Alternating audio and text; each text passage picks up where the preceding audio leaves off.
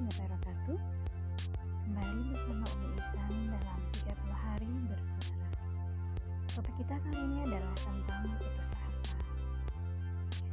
Merasa tidak berdaya, tak ingin berbuat apa-apa Menyesali diri yang berkepanjangan Atau singkatnya putus asa.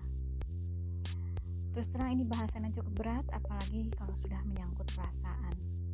Dunia serasa sangat kejam, merasa hidup sendiri dalam kesedihan, terpuruk sedalam-dalamnya. Semoga kita dihindarkan dari hal-hal yang demikian.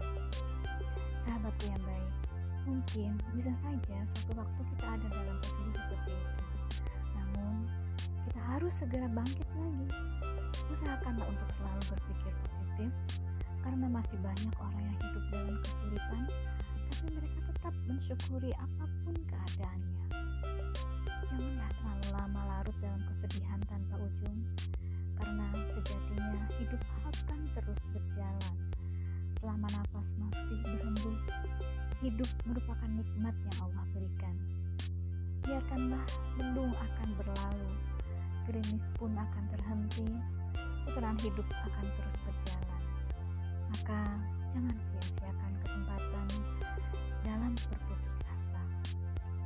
Janganlah bersedih, la tahzan, innallaha ma'ana.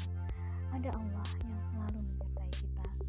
Maka mendekatlah dan adukanlah bagaimana keadaan kita hanya kepada Allah.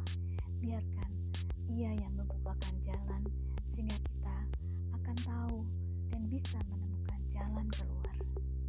Baik, terima kasih. Assalamualaikum warahmatullahi wabarakatuh.